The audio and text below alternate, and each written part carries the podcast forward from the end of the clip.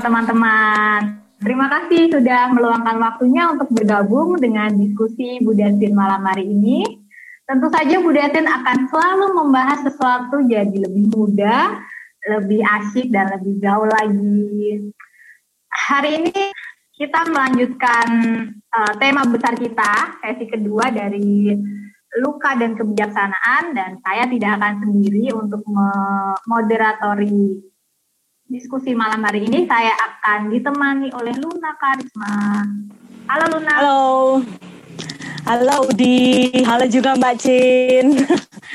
Uh, selamat malam teman-teman semuanya. Saya berharap teman-teman semua dalam keadaan sehat meskipun masih tetap berada di tengah-tengah pandemi yang tak tentu ini. Dan semoga setelah mengikuti uh, kelas podcast Budasin ini kita uh, menjadi lebih baik ya kan. amin amin amin amin. Amin. Oke, terus sekali ya malam ini kita akan melanjutkan sesi kedua kita tentang tema besar luka dan kebijaksanaan, menyapa anak-anak yang terluka di dalam. Nanti kita akan membahasnya bersama narasumber yang sama, yaitu Mbak Chin Hapsari Tomoijoyo. Mungkin Luna bisa memperkenalkan ya, lagi. dan Iya, dan Mbak Cin Hapsari Tomoijoyo ini merupakan seorang penulis buku-buku sejarah dan budaya. Ada banyak sekali bukunya. Nanti teman-teman kalau yang penasaran boleh Google nih. Ada kok, aku tahu judulnya juga karena aku Google nih. Terus kemudian beliau ini juga merupakan periset, penulis naskah, kemudian juga penulis cerita bergambar. Mbak Cin ini juga pernah mengikuti Binel Seni Visual Jogja di tahun 2007 Kemudian beliau juga merupakan seorang ilustrator dan mendalami yoga sastra. Dan sudah bersama kita nih Mbak Jin Hapsari Tomoijoyo. Selamat malam Mbak. Hai. Selamat malam Mbak Jin. Hai Luna. Halo teman-teman semua. Ini seru banget nih Mbak. Hari ini kita akan melanjutkan pembahasan tentang luka dan kebijaksanaan. Jadi minggu lalu kita sudah membahas tentang bagaimana kita bisa berdamai dengan trauma yang ada dari masa lalu dan terus mengikuti kita sampai hari ini. Uh, kita juga sudah membahas tentang faktor-faktor apa yang yang ya, yang dapat menciptakan trauma ini. Dan hari ini kita akan membahas lebih dalam lagi. Kita akan bersama-sama mencoba untuk uh, membuka diri, untuk menyapa atau bahkan menyentuh juga trauma atau masa lalu yang kita alami ini. Tapi pertanyaannya adalah bagaimana kita bisa menyapa atau menyentuh si, si kanak-kanak ini agar tidak menciptakan suatu luka baru. Nah ini ini mungkin bisa kita bahas nanti ya Mbak ya. Iya ya, betul. Karena sebetulnya kita uh, kita bertumbuh itu kadang-kadang kita nggak nggak nggak apa namanya tidak peka terhadap luka mungkin. Kemudian kita biarkan begitu saja luka itu tumbuh meranggas di hati. Itu kan tidak enak ya. Tapi kemudian uh, ketika kita bisa menyadari mungkin menyentuh dan bisa melakukan self healing terhadap luka-luka atau trauma yang terjadi di masa kecil uh, mungkin uh, langkah kita ke depan akan lebih cerah dan lebih lebar menanti kita. Gitu kira-kira ya Mbak. Dan semoga akan begitu adanya. Um, ya dan kayaknya hari ini kita akan lebih longgar ya Udi. Jadi maksudnya nanti uh, mungkin ada sesi di mana Mbak Cin ini akan mengizinkan teman-teman untuk membuka kamera dan juga mungkin kalau ada yang mau bertanya secara langsung bisa boleh ya ber, berdialog secara langsung gitu. Iya, iya nanti kita akan uh, memberikan kesempatan kepada beberapa teman yang ingin bertanya juga, tapi juga bisa untuk uh, mengetik pertanyaannya di chat komentar yang sudah tersedia. Nanti kita akan bahas bersama-sama. Jangan lupa juga teman-teman di sini untuk menyiapkan pena dan juga kertas karena nanti akan ada yes. sesi uh, praktek langsung yang akan dipandu oleh Mbak Sin. Oke, kita tidak usah berpanjang lagi loh, kita bisa uh, bisa memberikan waktu dan tempat untuk Mbak Sin memberikan pengalaman-pengalamannya. Silakan Mbak Sin. Silahkan Mbak.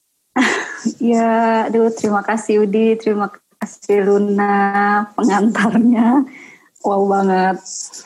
Ah uh, ya, ini mohon izin jiwaku menyapa jiwamu semua sehingga apa yang berjalan selama proses ini adalah percakapan antar jiwa dan apabila ada sesuatu yang belum mampu kita pahami, semoga jiwa kita dapat membantu melalui caranya. Jadi selamat malam semua uh, kawan-kawan. Namo Adi Budaya, Om Swastiastu, Assalamualaikum warahmatullahi wabarakatuh, salam damai, dan salam kebajikan untuk kita semua. Uh, ya, terima kasih untuk waktunya kawan-kawan Budazin yang sudah memfasilitasi sesi malam ini.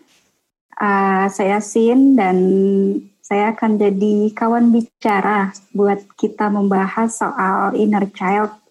Dan ini adalah sesi kedua. Hmm, kita akan bicara tentang uh, anak-anak uh, yang terluka di dalam. Tapi sebelum kita memulai, uh, mungkin kita akan sejenak melakukan meditasi uh, agar kita bisa lebih hening dalam uh, dalam proses ini. Uh, sebentar ya.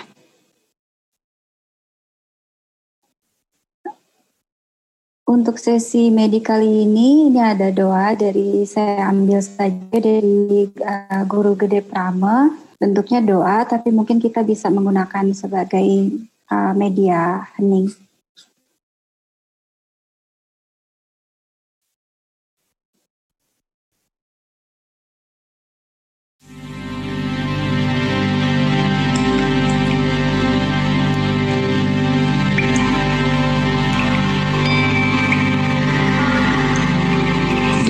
Kesempurnaan pelayanan kepada semua ibu yakni semua makhluk.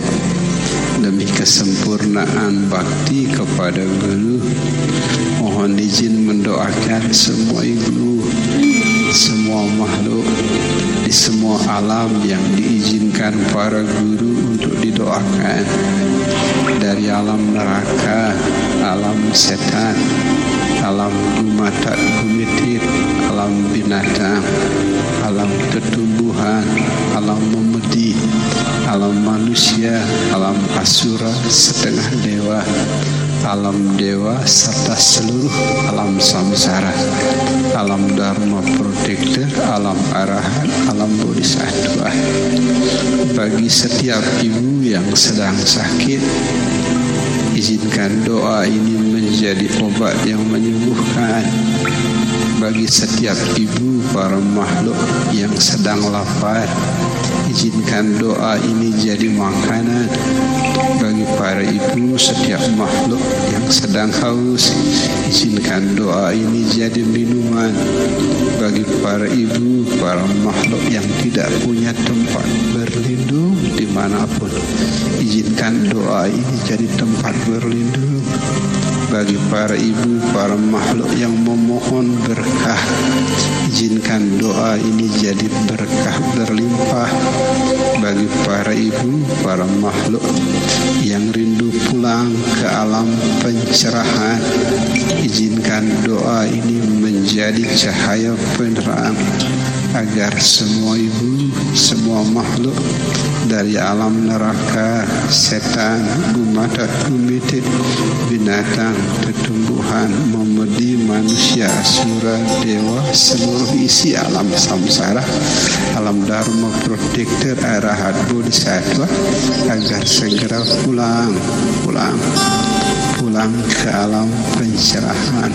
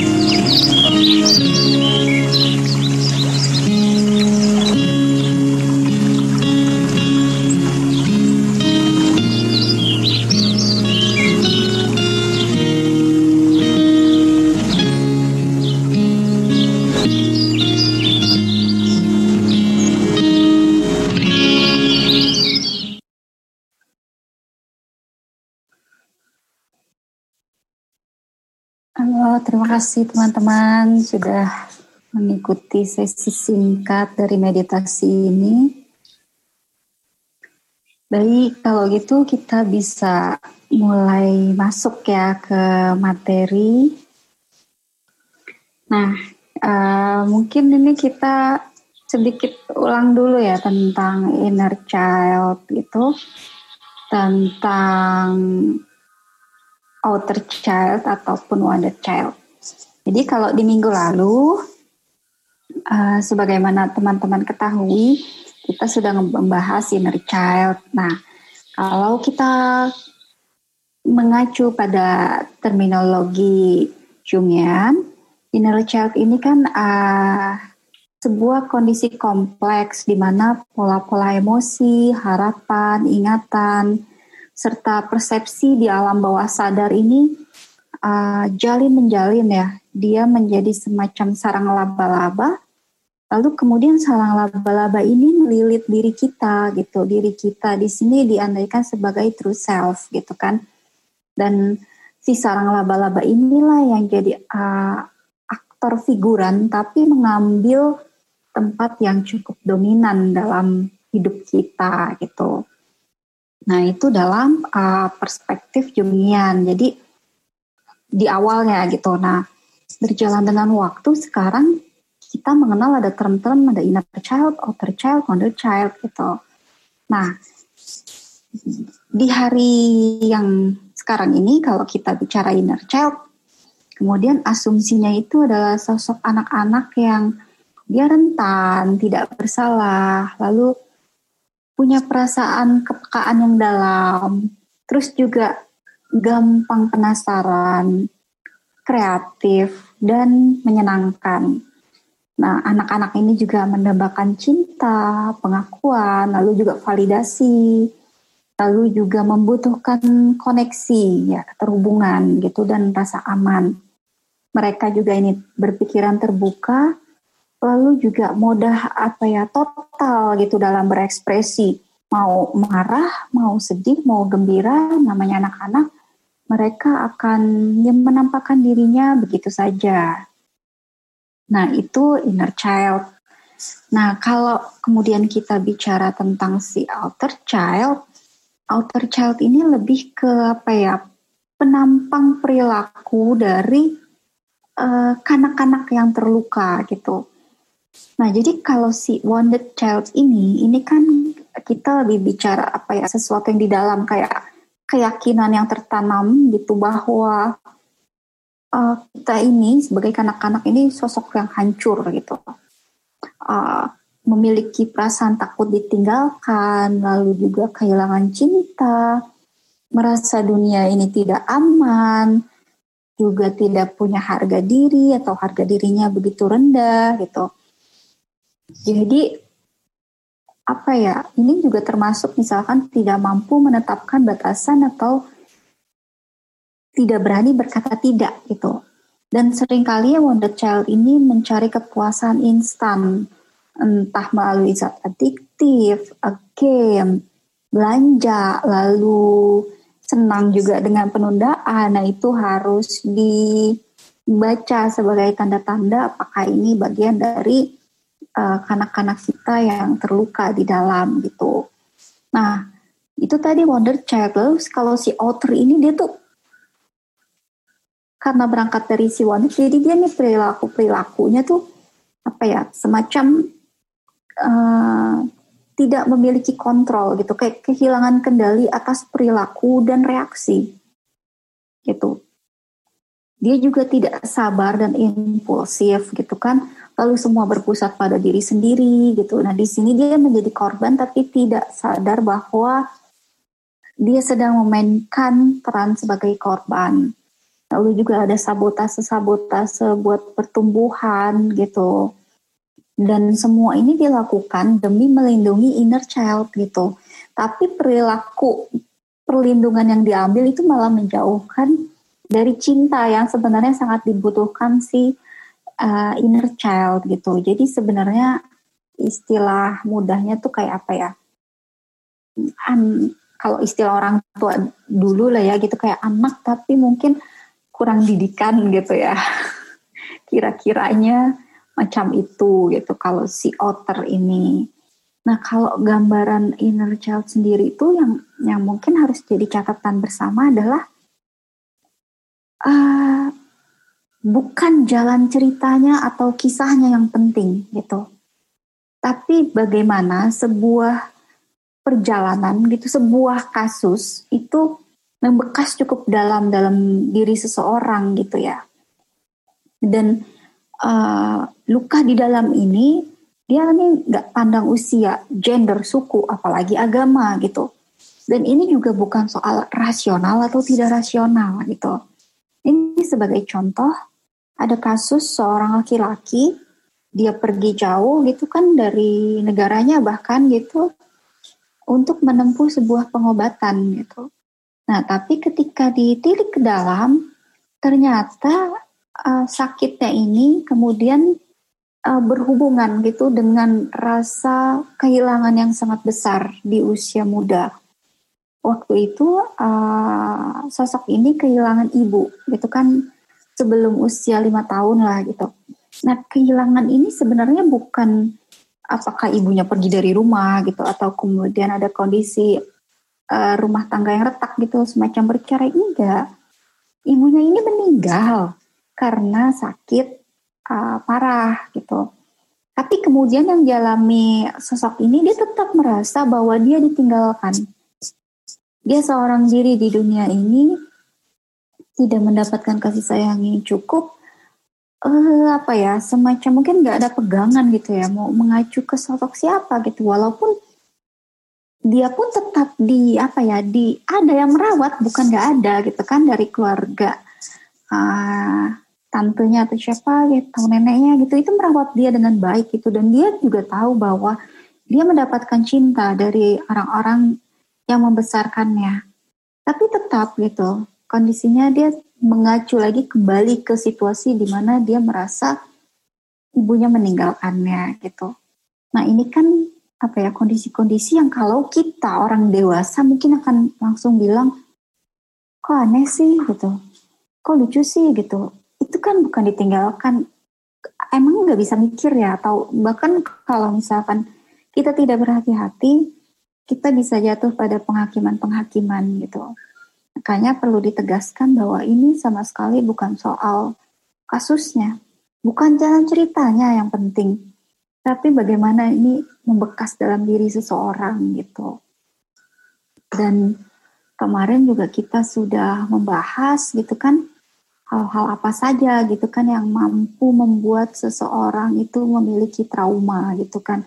Kemarin berkait dengan pikiran bawah sadar dan sekian kompleks ya dan apa juga gelombang uh, otak di masa pertumbuhan kanak-kanak yang mempengaruhi semua gitu.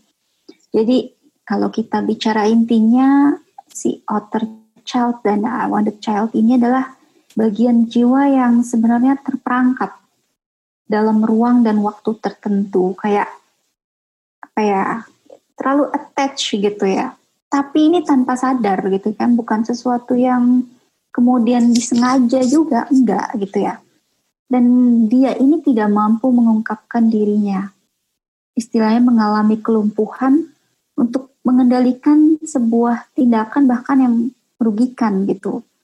Dan biasanya ini memiliki pola perulangan gitu. Dan yang pasti outer dan wounded child ini membutuhkan perhatian, pengakuan, dan ya kesadaran gitu kan untuk diterima secara penuh dan kemudian diintegrasikan dengan dengan diri kita yang utuh itu. Nah, kalau kemarin kita mengacu beberapa penyebab lukanya itu bisa ketika kanak-kanak kita menjadi saksi ya atau mendengar kejadian traumatis ataupun terguncang secara mental atas sebuah peristiwa patah hati dari sikap orang-orang yang dikasihi entah dibohongi, entah dikhianati, entah ditinggal apa ada perpisahan ayah dan ibu gitu kan atau juga memiliki kebutuhan yang tak terpenuhi sebagai seorang anak.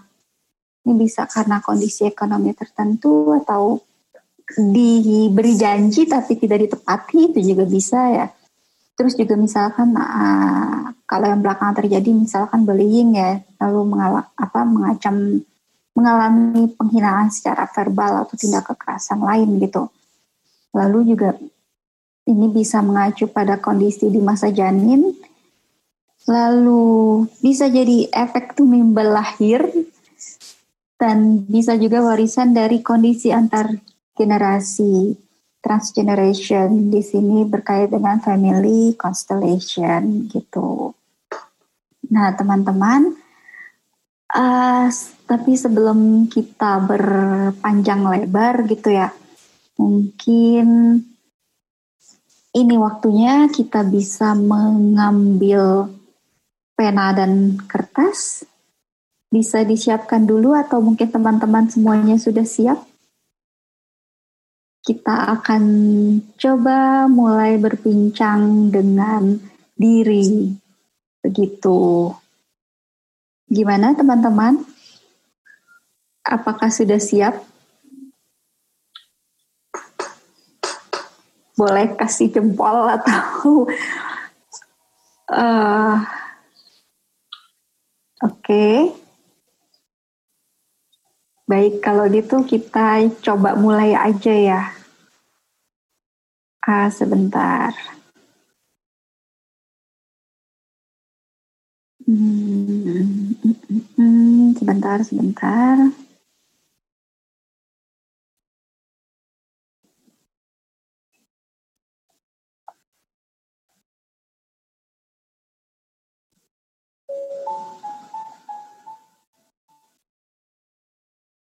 kita akan mulai bercakap-cakap. Nah, saya berharap teman-teman sudah siap. Uh, saya ingin mengajak teman-teman untuk kembali bertemu dengan diri kita. Nah, untuk saat ini, silakan teman-teman pejamkan mata. Pejamkan mata. Lalu bayangkan kawan-kawan ada di depan cermin. Untuk teman-teman yang visual bisa membayangkan filmnya, bisa membayangkan gambarannya. Lalu untuk teman-teman yang auditori, silakan dengarkan suaranya perlahan-lahan sambil kita membangun situasi di depan cermin dan untuk kawan-kawan yang kinestetik, silakan bangkitkan penggambaran dengan cara merasakan. Silakan teman-teman sesuaikan dengan ciri masing-masing. Saat ini, teman-teman ada di depan cermin. Teman-teman perhatikan sosok yang ada di depan teman-teman. Perhatikan raut wajahnya, perhatikan gerak tubuhnya, dan coba tolong rasakan hal-hal apa saja yang disembunyikan sosok ini selama ini, sepanjang hidupnya. Hal-hal apa saja dari dirinya yang selalu ditolak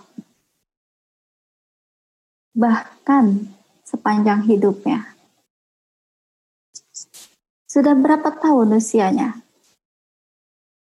22, 25, 30, atau bahkan lebih? Apa hal-hal yang selama ini disimpan rapat-rapat? Apa sisi hitam dari sosok yang kawan-kawan pandang saat ini?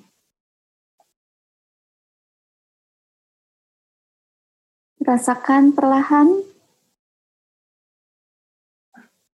Apakah ia pernah mengalami penolakan atau bahkan pengkhianatan? Tuliskan hal-hal penting yang bagi kawan-kawan merepresentasikan bagaimana kawan-kawan saat ini. Tenang saja, apa yang kawan-kawan tulis tidak akan dipublikasikan dan kita tidak akan share untuk sesi ini.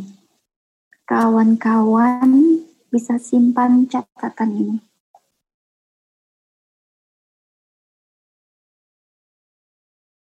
Tuliskan semua emosi yang muncul secara intens. Teman-teman boleh jujur menyaksikan kehancuran atau kengerian yang ada, teman-teman bisa saja menuliskan. Misalkan, saya tidak menyukai kulit saya karena warnanya terlalu matang, terlalu gelap. Saya tidak menyukai ukuran dada saya. Saya tidak pernah betah di rumah dan berada bersama orang tua saya atau saya merasa sangat bersalah karena pernah melakukan aborsi. Saya benar-benar kesal karena orang-orang selalu merendahkan saya dan menghina karya-karya saya. Saya merasa malu karena rok saya pernah tersingkap waktu kecil dan semua kawan-kawan saya mentertawakan saya. Atau saya sangat menyesal karena saya pernah meludahi kawan saya. Silakan kawan-kawan lanjutkan apa saja hal-hal yang kawan-kawan sembunyikan dan tak pernah kawan-kawan berani untuk menatapnya.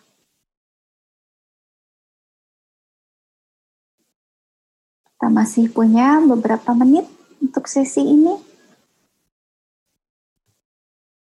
Silahkan tuangkan semua. Silahkan tuliskan apa perasaan-perasaan yang menekan.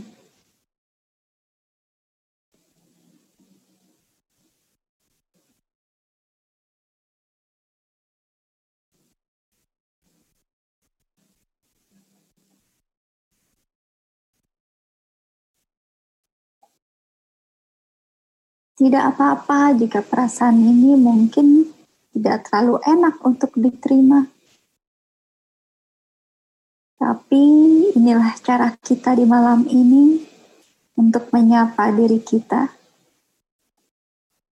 Kita akan mengizinkan diri kita untuk luruh, untuk rapuh,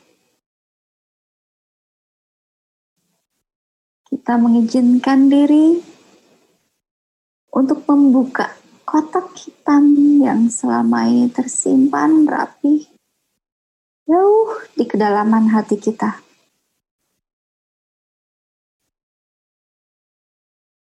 Dan sekali lagi, malam ini, di saat ini,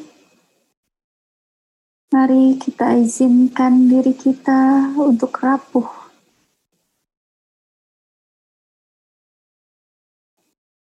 untuk sekaligus berani menerima kerapuhan itu.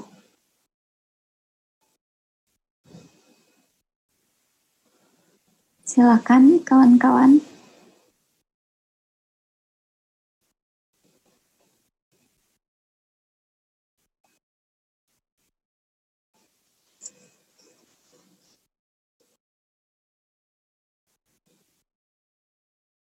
Tarik nafas jika itu memang dibutuhkan.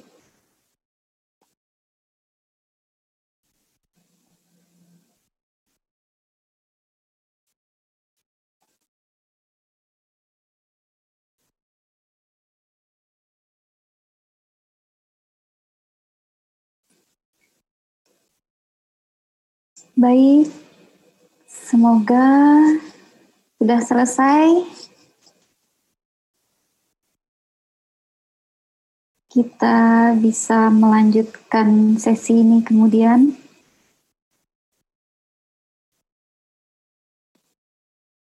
Dan sebagaimana saya katakan tadi, kita tidak akan share dari hal yang baru saja kita tuliskan. Kita bisa simpan untuk sementara waktu. Namun selanjutnya kita akan memasuki sesi kedua. Sebentar.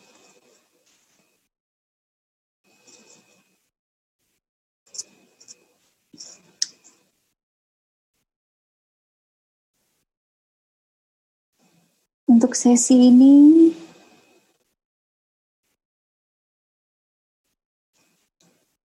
kita akan mencoba untuk bertemu dengan kanak-kanak kita, kanak-kanak kita yang terluka. Bila tadi kita sudah bertemu dengan diri kita di usia dewasa, saat ini kita akan memanggil anak-anak kita Kawan-kawan boleh memejamkan mata kembali jika dibutuhkan. Boleh menarik nafas perlahan dan semakin dalam tarikan nafas, teman-teman semakin rileks.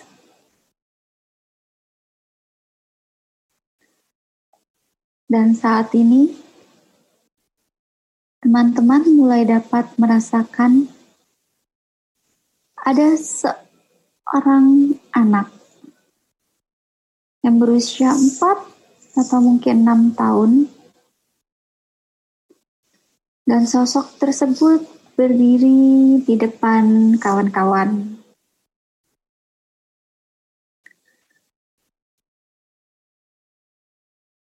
Dan ternyata sosok ini adalah diri kita sendiri. Dia adalah kanak-kanak kita.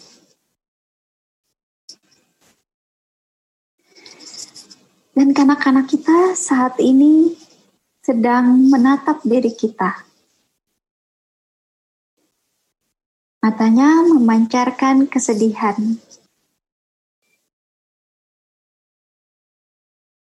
Ia seperti ingin menangis.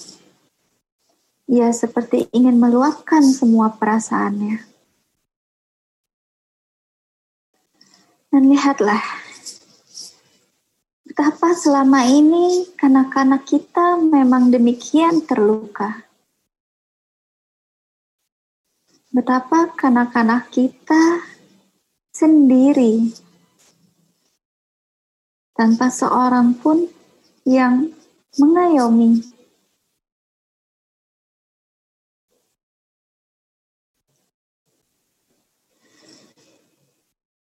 Rasakan suasana ini. Rasakan duka yang mulai merambat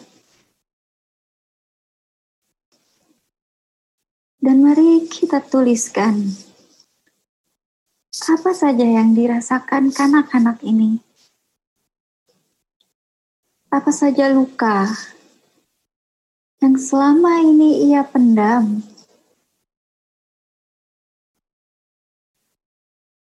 Apa saja kesedihannya.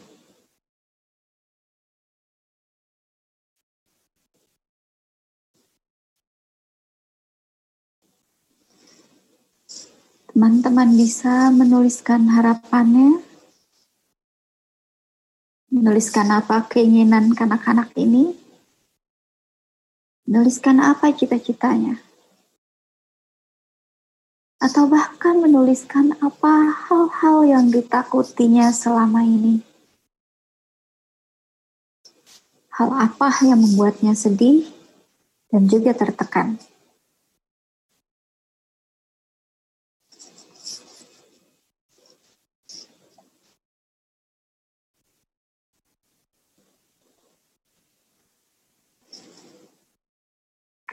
Kenangan-kenangan apa saja yang mengganggu kanak-kanak kita. Dan ingatan apa yang menghantuinya selama ini.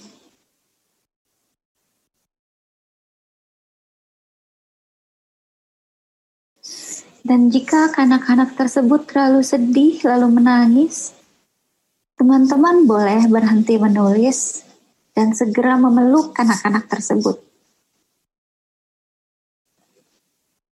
Peluk dan terima ia. Katakan, aku menerimamu. Aku menerimamu. Aku menyayangimu. Katakan bahwa saat ini ia aman Katakan bahwa ia tak akan pernah lagi sendiri. Ia tak akan ditinggalkan. Dan mintalah maaf jika selama ini selalu mengabaikannya. Mungkin terekam suara ayah atau suara ibu yang pernah memaki anak-anak kita yang pernah memarahi kita. Atau mungkin terngiang suara teman-teman yang pernah menyeraki kita. Atau mentertawai kita. Atau mungkin kita teringat ketika kita terisak karena saudara kita menjahili kita atau mungkin saat ibu guru atau bapak guru pernah memarahi kita di depan teman-teman. Nah, baik teman-teman, mungkin sampai di sini untuk sesi ini. Dan bagaimana rasanya? Mungkin di sesi ini teman-teman uh, bisa berbagi karena berbagi pada sesi ini menjadi sangat penting kita bisa belajar satu sama lain, kita bisa saling menyembuhkan karena mengutarakan sesuatu secara terbuka itu juga merupakan jalan penyembuhan. Dan bagi teman-teman yang mendengarkan pun itu akan menyembuhkan.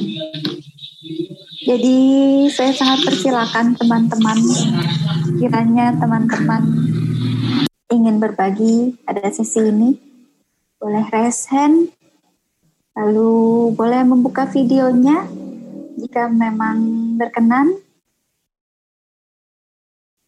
atau hanya suara saja juga tidak masalah. Kita tidak akan menghakimi, kita tidak akan menilai, kita di sini hanya akan mendengarkan. Atau mungkin mau diawali Mbak Udi dulu sama Mbak Luna. atau mungkin Mas Jamal atau Samantha yang ingin berbagi. Silakan, monggo. Oke, okay.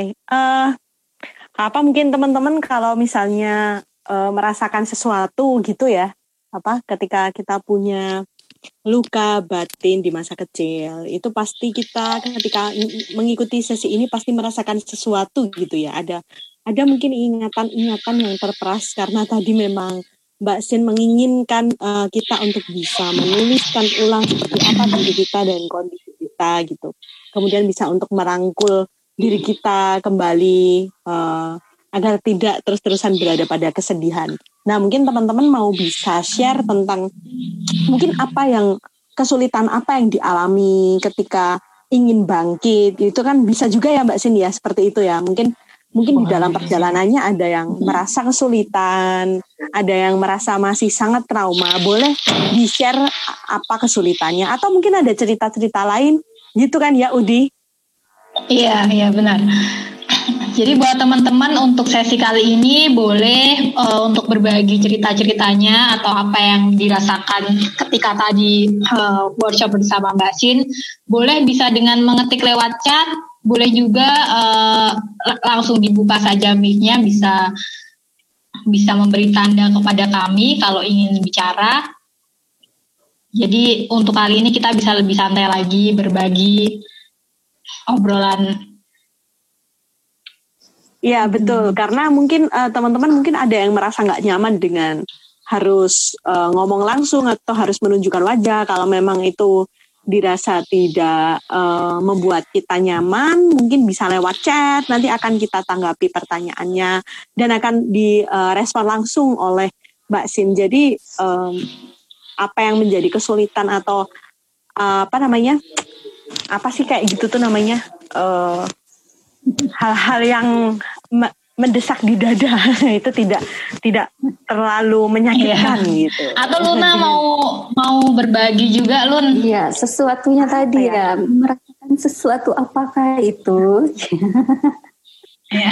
Apakah ada yang muncul dari apa ya sesuatu yang mungkin udah lama banget terpendam dan bisa muncul di sesi barusan ini gitu? Ya, Atau, uh, apa ya kalau kalau misalnya mungkin sedikit cerita tentang ini aja ya apa yang tadi aku rasakan gitu insight apa gitu ya.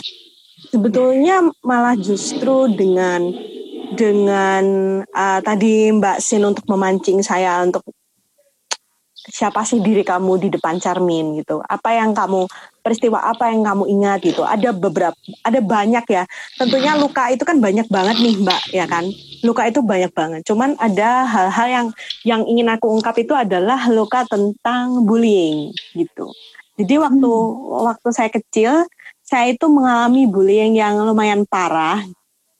Sejak dari TK sampai sampai SMP di SMA sih ada cuman enggak ya sudah teman-teman itu sudah dewasa untuk untuk bergaul gitu. Jadi saya rasa nggak nggak nggak ada masalah. Tapi ketika saya terutama di SD dan di SMP mengalami bullying yang amat parah dan pada saat itu juga ya kalau dinamakan trauma pasti trauma ya. Tapi malah justru karena karena mendapatkan bullying yang yang lumayan parah ya. Sampai saya waktu itu mau pindah kelas sih karena nggak nggak betah gitu mendapatkan bullying yang sangat kasar gitu. Jadi malah justru bisa lebih tahu tentang bullying itu sendiri kemudian apa yang harus dihadapi ketika kita mendapatkan bullying. Jadi karena karena semakin ini sih apa saya berusaha mendekati mendekati peristiwa bullying itu gitu dan akhirnya saya mendapatkan apa yang harus saya lakukan gitu Mbak. Jadi akhirnya karena hmm. karena berusaha untuk mengenali bullying itu sendiri dan tentunya bukan hanya uh, menyalahkan diri ya atau menyalahkan orang lain ya, tapi justru malah bisa berkaca banyak, kemudian jadi tahu apa yang harus kita lakukan. Akhirnya bisa dapat apa uh, satu statement tuh kayak step up, step back gitu loh. Jadi sebagai hmm. manusia itu kita harus harus pandai untuk step up, step back. Jadi supaya kemudian um, ketika memang suasananya mendukung atau tidak mendukung itu kita bisa ngerti posisi kita di mana gitu itu bisa jadi untuk untuk sedikit banyak membuat kita uh, bisa menghadapi bullying gitu. Atau menghadapi peristiwa-peristiwa yang nggak enak yang hampir menjadi bullying itu sendiri. Gitu sih mbak. Parah dulu kacamataku tuh di kacamataku tuh di ini mbak apa diremuk. Diremuk gitu jadi sama teman-teman satu kelas. Saya itu kan minusnya parah. Saya hmm. minusnya parah. Minusnya itu tujuh jadi minusnya 7. Waktu SMP itu berarti berapa ya? 5 mungkin. Waktu SMP saya sudah minus 5. Jadi saya harus pakai kacamata. Kalau nggak pakai kacamata nggak bisa gitu. Nah, ketika saya pertama masuk SMP, padahal itu SMP favorit loh di kota Solo. Terus kemudian uh, dan kebetulan tuh saya tuh pinter gitu di kelas. Ini bukan sombong ya Mbak, cuman mungkin ini juga faktor gitu pintar oh, atau ya, mungkin benar. berprestasi itu jadi faktor hmm. kita dapat bullying kan gitu. Nah terus uh, pada suatu waktu itu kacamataku hilang gitu, tasku tuh dirobek, terus kemudian kacamataku hmm. hilang sehingga aku tidak bisa melihat uh, apa namanya pelajaran, nggak bisa melihat temanku, aku tidak bisa melihat apa-apa kan dan sangat buram.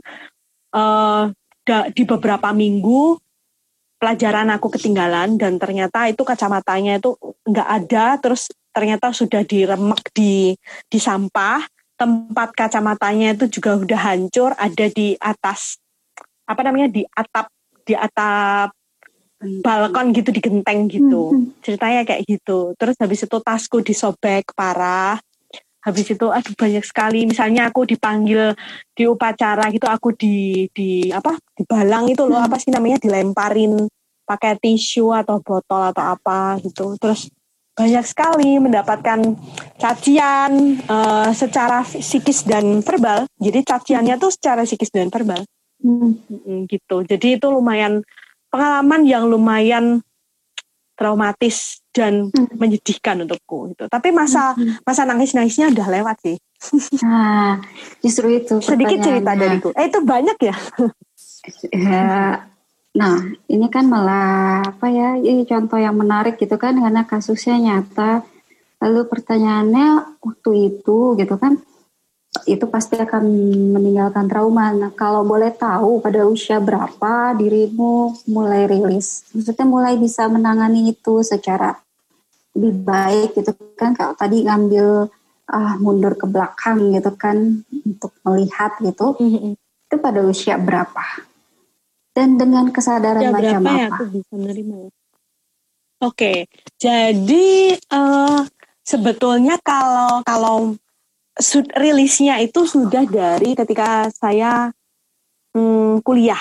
Jadi kesenian sih yang membuat saya bisa rilis ha. lebih jauh gitu. Karena karena ternyata gitu peristiwa-peristiwa itu itu bisa saya keluarkan lewat karya.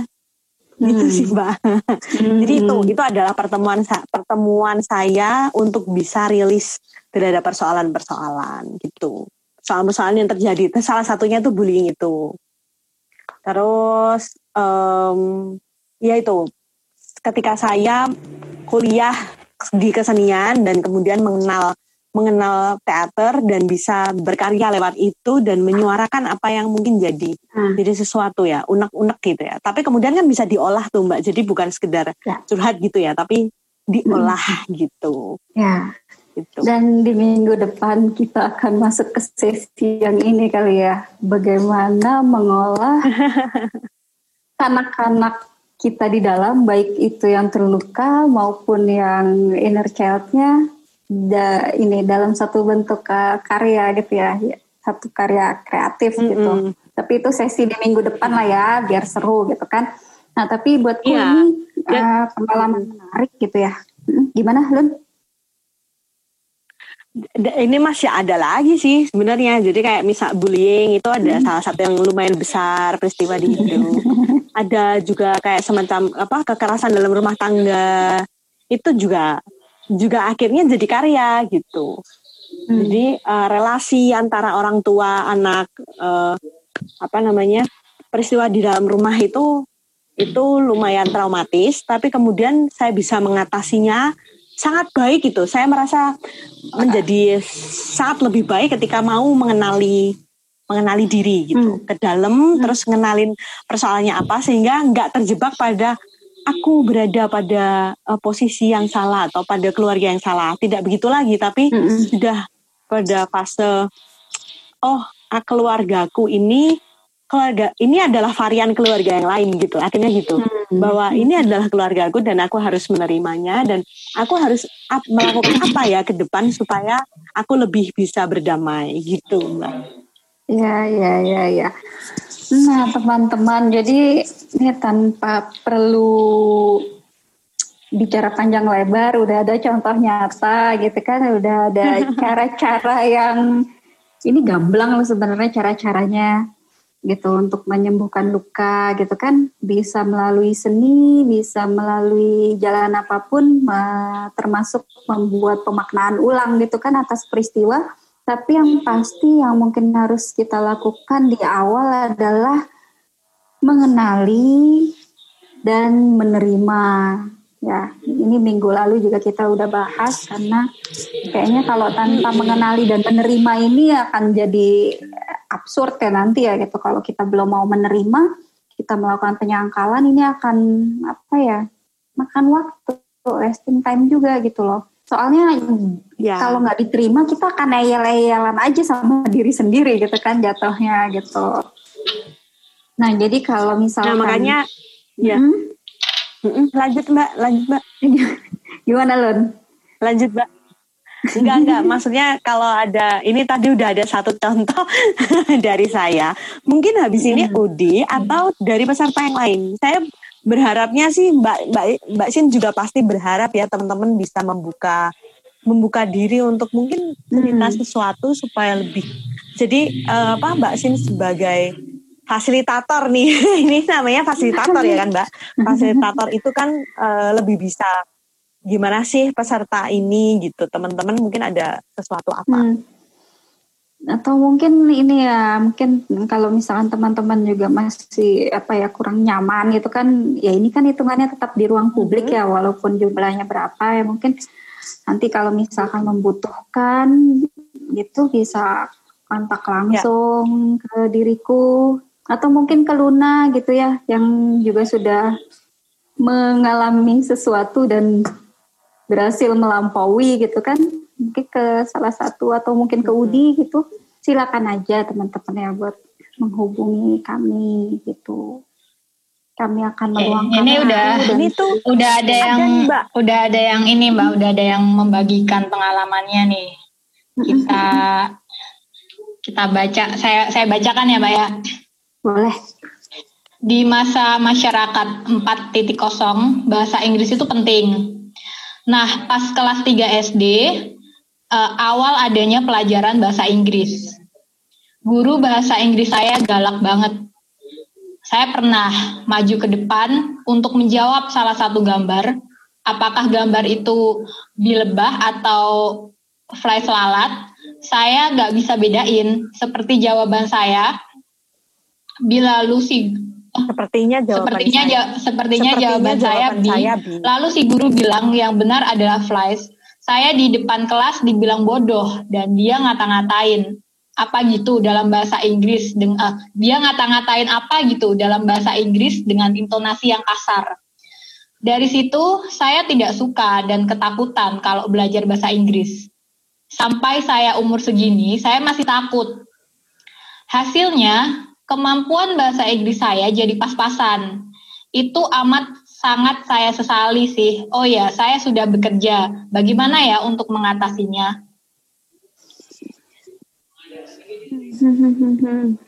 ya, sangat sedih, sedih sekali ya ceritanya. Saya membacanya juga ikut. Hmm, hmm. Ya, ya perilaku perilaku jenis ini gitu kan tanpa kita menghakimi gitu uh, pas hampir sebagian besar kita pernah mengalami lah pengalaman di sekolah agak kurang enak dengan guru atau dengan teman gitu ya. Dan memang apa ya nggak ada cara lain kecuali kita ya menerima gitu ya. Menerima dulu rasa nggak enaknya gitu. Dan gimana caranya gitu biar mungkin ya, sedikit tips biar kita longgar gitu ya mau menerima tuh ya setiap kekerasan itu kan hasil dari kekerasan yang lain ya gitu jarang lah ada kekerasan hasil dari cinta itu kan wah itu apa ya bisa tapi patut dipertanyakan gitu dan hampir sebagian besar kekerasan adalah hasil dari kekerasan yang lain gitu.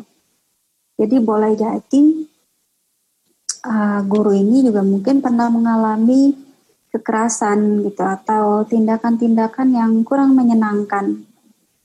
Dalam bahasa yang lain, uh, setiap orang memikul, memikul uh, kanak-kanak yang terluka di dalam dirinya. Dan begitu pun dengan uh, sosok guru tersebut. Problemnya adalah dalam kasus itu kita memang tidak tahu lukanya itu apa gitu kan. Kita nggak pernah tahu latar belakangnya. Tapi yang bisa dipastikan uh, luka menghasilkan luka dan itu mewujud gitu kan dalam perilaku-perilaku tertentu. Nah, kalau kita memahami siklus itu, semoga kita akan lebih bisa mampu menerima gitu. Jadi baiklah uh, saya menerima di kondisi saat itu bahwa guru saya uh, melakukan hal tersebut kepada saya dan saya yakin bahwa dia melakukannya lebih karena dia terluka dan dia tidak menyadari apa yang sesungguhnya dia lakukan gitu. Maksudnya kita membuat uh, penerimaan sekaligus pemaafan kepada yang bersangkutan. Maksudnya kalau di usia saat ini kan kita bisa menggunakan apa ya menjum mengambil sedikit rasionalitas kita lah ya gitu untuk membangun hubungan empatik gitu untuk melihat latar belakang di sebuah uh, permasalahan gitu. Nah, kalau sudah gitu kan seperti step yang kemarin gitu kan kita sebenarnya punya enam step gitu kan. Jadi setelah mengenali dan menerima, kita bisa rekonstruksi, kita kunjungi tadi itu ke semacam tadi kita kunjungi peristiwanya gitu kan. Nah setelah kita kunjungi peristiwanya, yang langkah selanjutnya ketiga itu kita bisa bangun dialog gitu kan sama anak-anak kita. Jadi kita bisa memanggil anak-anak kita yang tadi yang pakai tanda petik dipermalukan di depan kelas gitu kan Uh, dan sebelum melakukan dialog kita kasih tahu dulu gitu dengan anak-anak kalau dia nih aman. Kamu boleh lagi ceritain uh, apa perasaanmu gitu. Dan boleh ngomong apa aja. Kalau kamu mau nangis pun nggak apa-apa karena kamu di sini bersama aku. Kita aman, kita di ruang yang aman gitu. Itu apa ya keamanan itu harus jadi jaminan gitu kan. Dan pastikan juga bahwa anak-anak itu tidak sendirian gitu pastikan kita akan menjadi partner gitu kan di saat uh, waktu kita cukup gitu. Nah, setelah kita berdialog itu kan langkah selanjutnya adalah identifikasi nih. Identifikasi kebutuhannya. Jadi ya, kita sudah tahu kan misalkan anak-anak itu berarti dia nih jadi malu lalu juga marah gitu kan. Dan ini seberapa intens gitu. Selain ini apa ya sudah mengganggu gitu kan proses belajar gitu kan uh, bahasa Inggris sampai detik ini misalkan jadi ada gangguan-gangguan Nah kita bicara sama anak-anak kita gitu. Ini kita kan udah catat gitu kan, oke berarti ini anak-anak kita uh, malu dan marah gitu. Baik, kita terima dulu malu dan marahnya, kita peluk gitu. Kita bisa katakan ke anak-anak kita kalau itu sudah terjadi, itu masa lalu dan saat itu ibu guru kita mungkin bermaksud baik selalu gunakan kemungkinan baik. Gitu. Ini macam kayak Luna tadi ya waktu dia bilang ya keluargaku bentuknya beda gitu. Jadi kita kasih pemaknaan baru di sana gitu. Nah uh, beri penjelasan yang masuk akal gitu. Dan yang kemudian kita lakukan adalah rekonsiliasi gitu kan. Jadi kita ajak anak-anak kita untuk memaafkan, memaafkan si ibu guru. Nah biasanya kalau baru satu pertemuan, kadang-kadang saking marahnya atau saking malunya anak-anak kita ini bisa aja anak-anak kita menolak, nggak mau, aku malu. Dan itu menyebalkan banget gitu misalkan kondisinya waktu itu.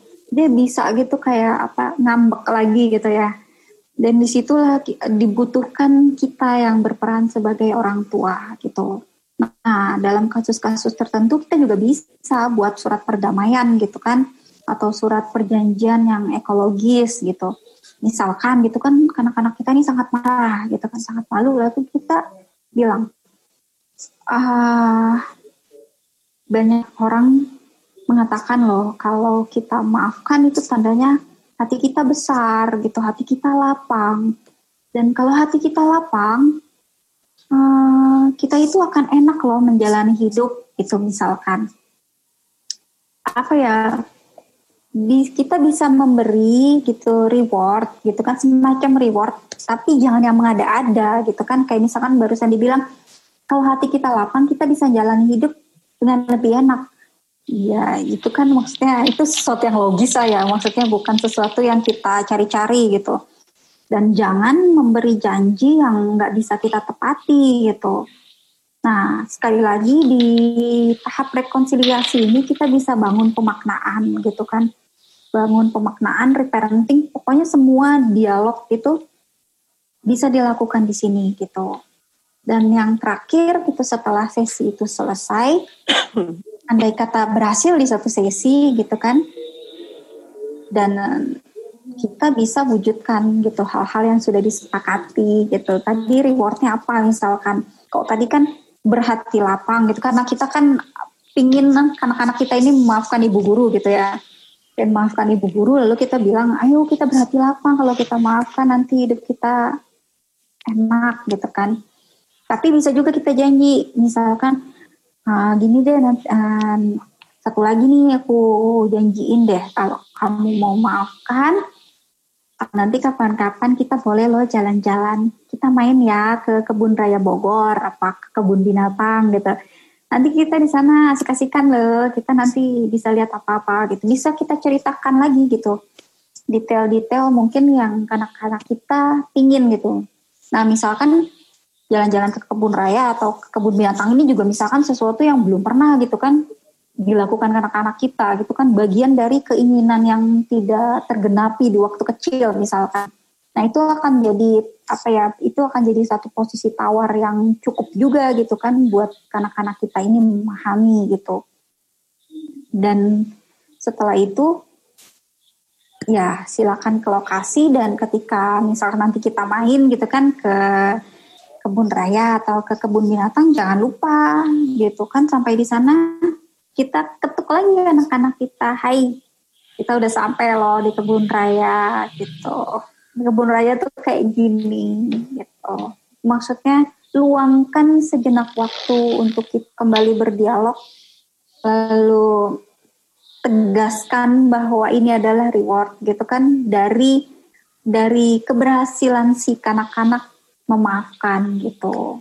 Dan andai kata belum berhasil dalam satu sesi, silakan diulangi karena ya ini kadangkala bukan juga sesuatu yang instan gitu kan sama seperti tadi di awal saya beri contoh gitu tentang kasus seorang laki-laki ini bahkan usianya sudah men kasus itu masih terus berjalan mendekati usia laki-laki ini hampir separuh abad. Gitu kan hampir 50 tahun dan masalahnya belum selesai gitu kan. Artinya kita memang akan bertemu lah situasi-situasi macam ini ya luka-luka lama yang membuka. Tapi sekali lagi tidak perlu takut tidak perlu khawatir. Justru ketika kita tertrigger gitu kan oleh satu dua kasus bersemangatlah gitu kan, bergembiralah gitu karena berarti kita sudah diketuk.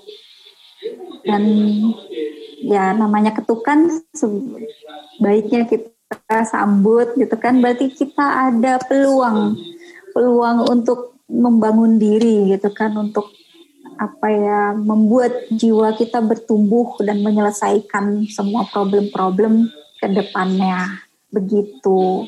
Sekilasnya begitu mungkin ini jadi teknis banget ya gitu, tapi semoga bisa dipahami ya alurnya gitu. Kira-kira. Ya, dan tentunya ya. text time ya Mbak ya. Tentunya oh, text time. Iya. Oke, terima kasih Mbak. Siapa tadi namanya yang sudah mau berbagi ya. cerita dari sana gitu. Oh, Mbak Sana ya, ya, ya ya dari sana. Tadi agak sulit belajar bahasa Inggris karena um, mm -mm.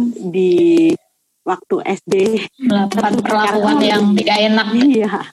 Oh iya sorry sorry. Ini aku tambahin. Jadi kalau sesi itu hampir selesai di dialog juga mungkin bisa dijelaskan. Jadi gini uh, satu lagi ya gitu. Ya kita maafkan loh karena kalau kita tidak menerima kalau kita tidak maafkan kita juga akan susah. Kita akan jadi repot loh. Uh, ini kan kondisi ini tuh tanpa kita sadari sudah mengendap gitu kan.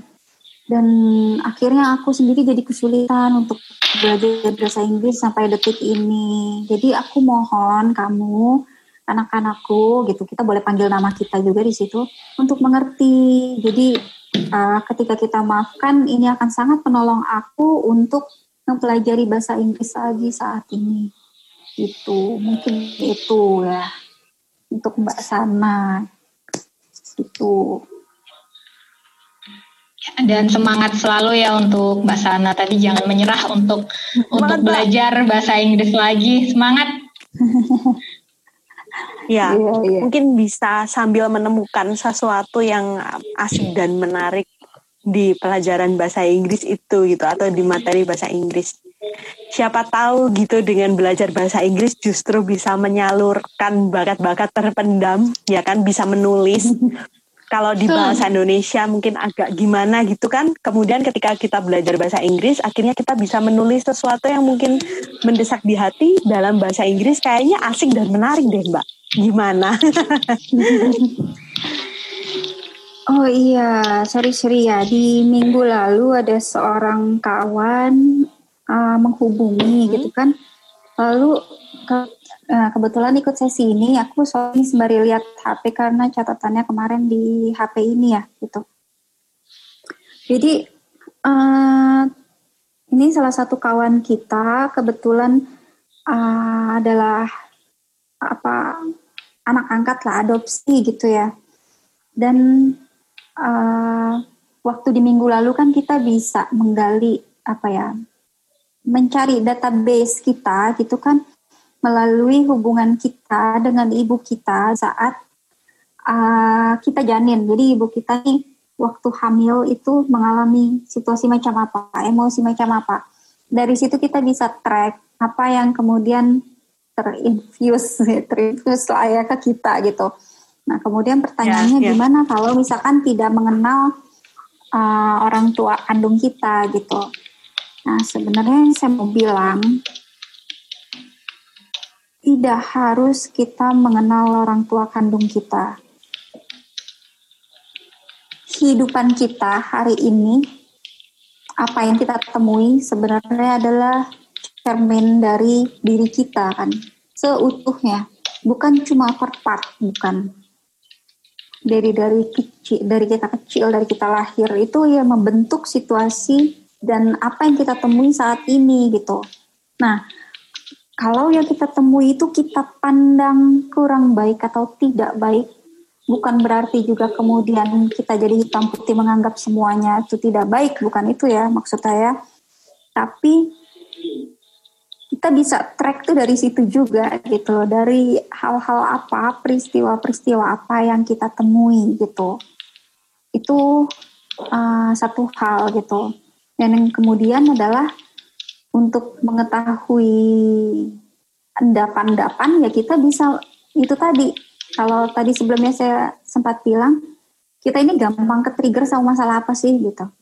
Misalkan ngelihat temen kita belanja lalu kita sewot atau ngelihat orang berhasil bawaannya gondok gitu kan atau ngelihat teman-teman uh, teman kita jalan-jalan ke luar negeri terus bawaannya tuh gak enak gitu kan hatinya gitu atau mungkin ngelihat Luna dapat penghargaan apa gitu terus aku kok uh gitu kan gitu.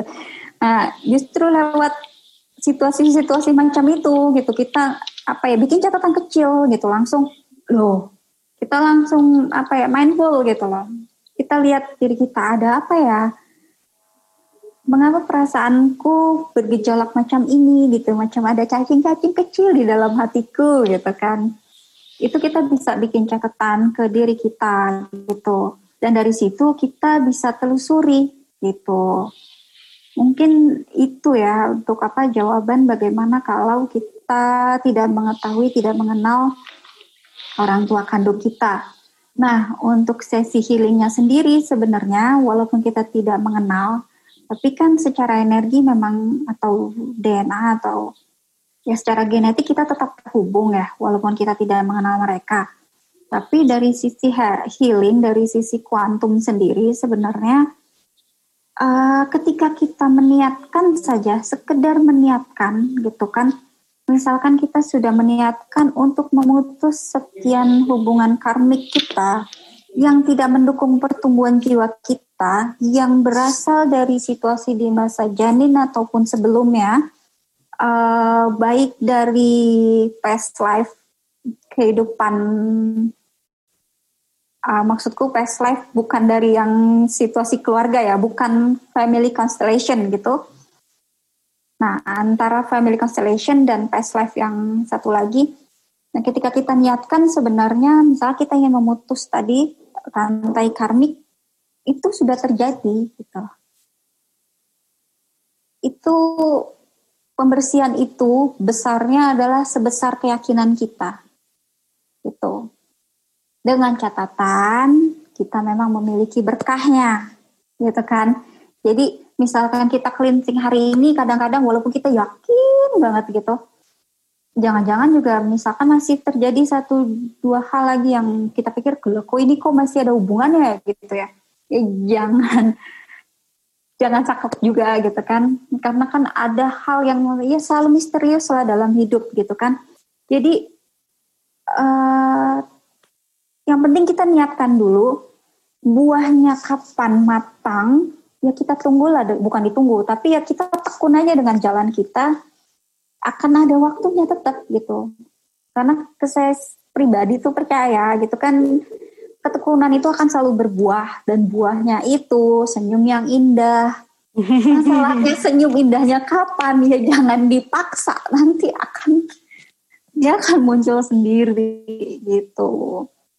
Nah, itu satu hal. Lalu ada pertanyaan kedua ya uh, dari kawan ini dia tanya gini uh, di minggu lalu dibilang kembali ke masa kanak-kanak gitu kan tanyakan keinginan kanak-kanak kita. Lalu bagaimana kalau kita tidak sanggup kembali ke masa lalu karena otomatis pasti akan banyak cerita, banyak kenangan di dalamnya. Ada cara lain atau tidak? Gitu. Nah, jadi eh, dalam beberapa sesi healing akan baik ketika eh, peristiwanya ini dimunculkan. Tapi kalau misalkan peristiwanya itu um, memiliki nilai traumatik di atas 8 kalau pakai skala 1 sampai 10 mungkin itu kita butuh bantuan uh, tenaga profesional ya gitu entah terapis, entah psikolog, entah hipnoterapis gitu ya. Uh, jadi itu di situ kita hati-hati gitu. Tapi kalau misalkan kondisinya adalah masih bisa kita kontrol, ada baiknya memang ya kita lakukan self healing dan memang semua self healing butuh waktu. Kali lagi modal kesembuhan itu investasi. Kalau buat saya, ya investasinya apa? Waktu. Kalau mau sehat, ya butuh waktu, apalagi self healing itu. Ini invest tuh bukan soal apa ya hitung-hitungan ekonomi ini uang apa gitu waktu gitu kalau kenapa waktu jadi penting apa ya ini waktu ini kita perlukan buat diri kita sendiri. Nah kalau kita kita aja berat untuk mengenali diri sendiri, lalu mau pada siapa kita berharap? Tuhan, dokter gitu atau siapa orang lain di luar diri kita. Tuh yang kenal diri kita tuh diri kita gitu. Dan kita itu lahir gitu kan kan karena membawa kan masing-masing ya. Cuma ada Sim cuma ada satu, Luna satu, Udi satu, Mbak Sana satu, Jamal satu. Namanya mungkin bisa banyak, tapi sebagai sosok, sebagai karakter, kita kan hanya satu gitu. Jadi, iya investasikanlah gitu waktu bagi dirimu sendiri untuk apa? Ya untuk menciptakan surga di bumi jangan jauh-jauh gitu kan kita ngomongin surga yang jauh-jauh gitu. Enggak. Kita menciptakan surga untuk diri kita sendiri gitu. Caranya apa? Ya self healing gitu. Dan kalau itu penting dibutuhkan lalu bermakna buat kita kita akan ngelakuin kok gitu. Udah mau nggak mau gitu. Kayak ya mungkin memang ada dua ya ada dua aku pikir uh, untuk soal investasi ini kita butuh disiplin atau pilihan keduanya adalah ketekunan. Kalau disiplin penggunaan katanya ini biasanya cocok buat temen yang malasnya gede atau enggak overthinkingnya gede gitu kan. Jadi nah kalau disiplin itu kan termnya deket sama keharusan ya, keharusan dan di sana ada reward, ada punishment gitu, punishment. Nah reward bisa kita kasih, tapi kalau punishment ke diri sendiri aku sarankan untuk enggak gitu. Jadi kalau kita mau berubah gitu kan, meskipun perubahan ini kan transformasi itu buatku keniscayaan. Ketika kamu tahu itu penting, dibutuhkan dan bermakna, gitu. Nah, tinggal pilihannya lebih enak mau pakai jalan pakai kata disiplin atau pakai kata tekun gitu. Kalau tekun kan ya agak-agak longgar ya, maksudnya karena kita udah tahu gitu, udah tahu itu penting, dibutuhkan, bermakna, makanya kita mau investasi waktu untuk diri kita, gitu. Jadi ini uh, semoga ada teman yang bertanya nih, sepertinya masih ada sih di ruang ini kalau nggak salah gitu ya, semoga bisa menjawab dan jawaban tadi juga bisa berguna apa untuk kawan-kawan yang lain gitu. Oke, terima kasih, terima kasih Mbak Asin atas penjelasannya. Tadi kayaknya sudah cukup jelas ya Udi. Iya. Terima kasih juga untuk Mbak Sena yang sudah tanya. Kemudian untuk teman-teman yang sudah mengikuti kelas ini uh, dengan sangat baik, terima kasih. Dan di minggu depan kita masih ada kelas lagi ya di hari Rabu di jam yang sama. Betul ya Udi? Uh, untuk iya, yang betul. minggu depan judulnya adalah creative calling from the child within gitu. Jadi ini adalah sesi lanjutan dari sesi ini. Iya, jangan lupa untuk mengikuti kembali kelas di sesi ketiga nanti. Terima kasih untuk semua teman-teman yang uh, meluangkan waktunya untuk ikut kelas malam hari ini. Terima kasih juga untuk Mbak Cin yang telah memberikan uh, berbagi pengalamannya juga. Terima kasih untuk Luna yang sudah berbagi pengalamannya juga dan untuk Mbak Sana juga terima kasih. Dari kami, terima kasih dan selamat malam. Semoga sampai jumpa. Ya, sampai jumpa. Terima kasih.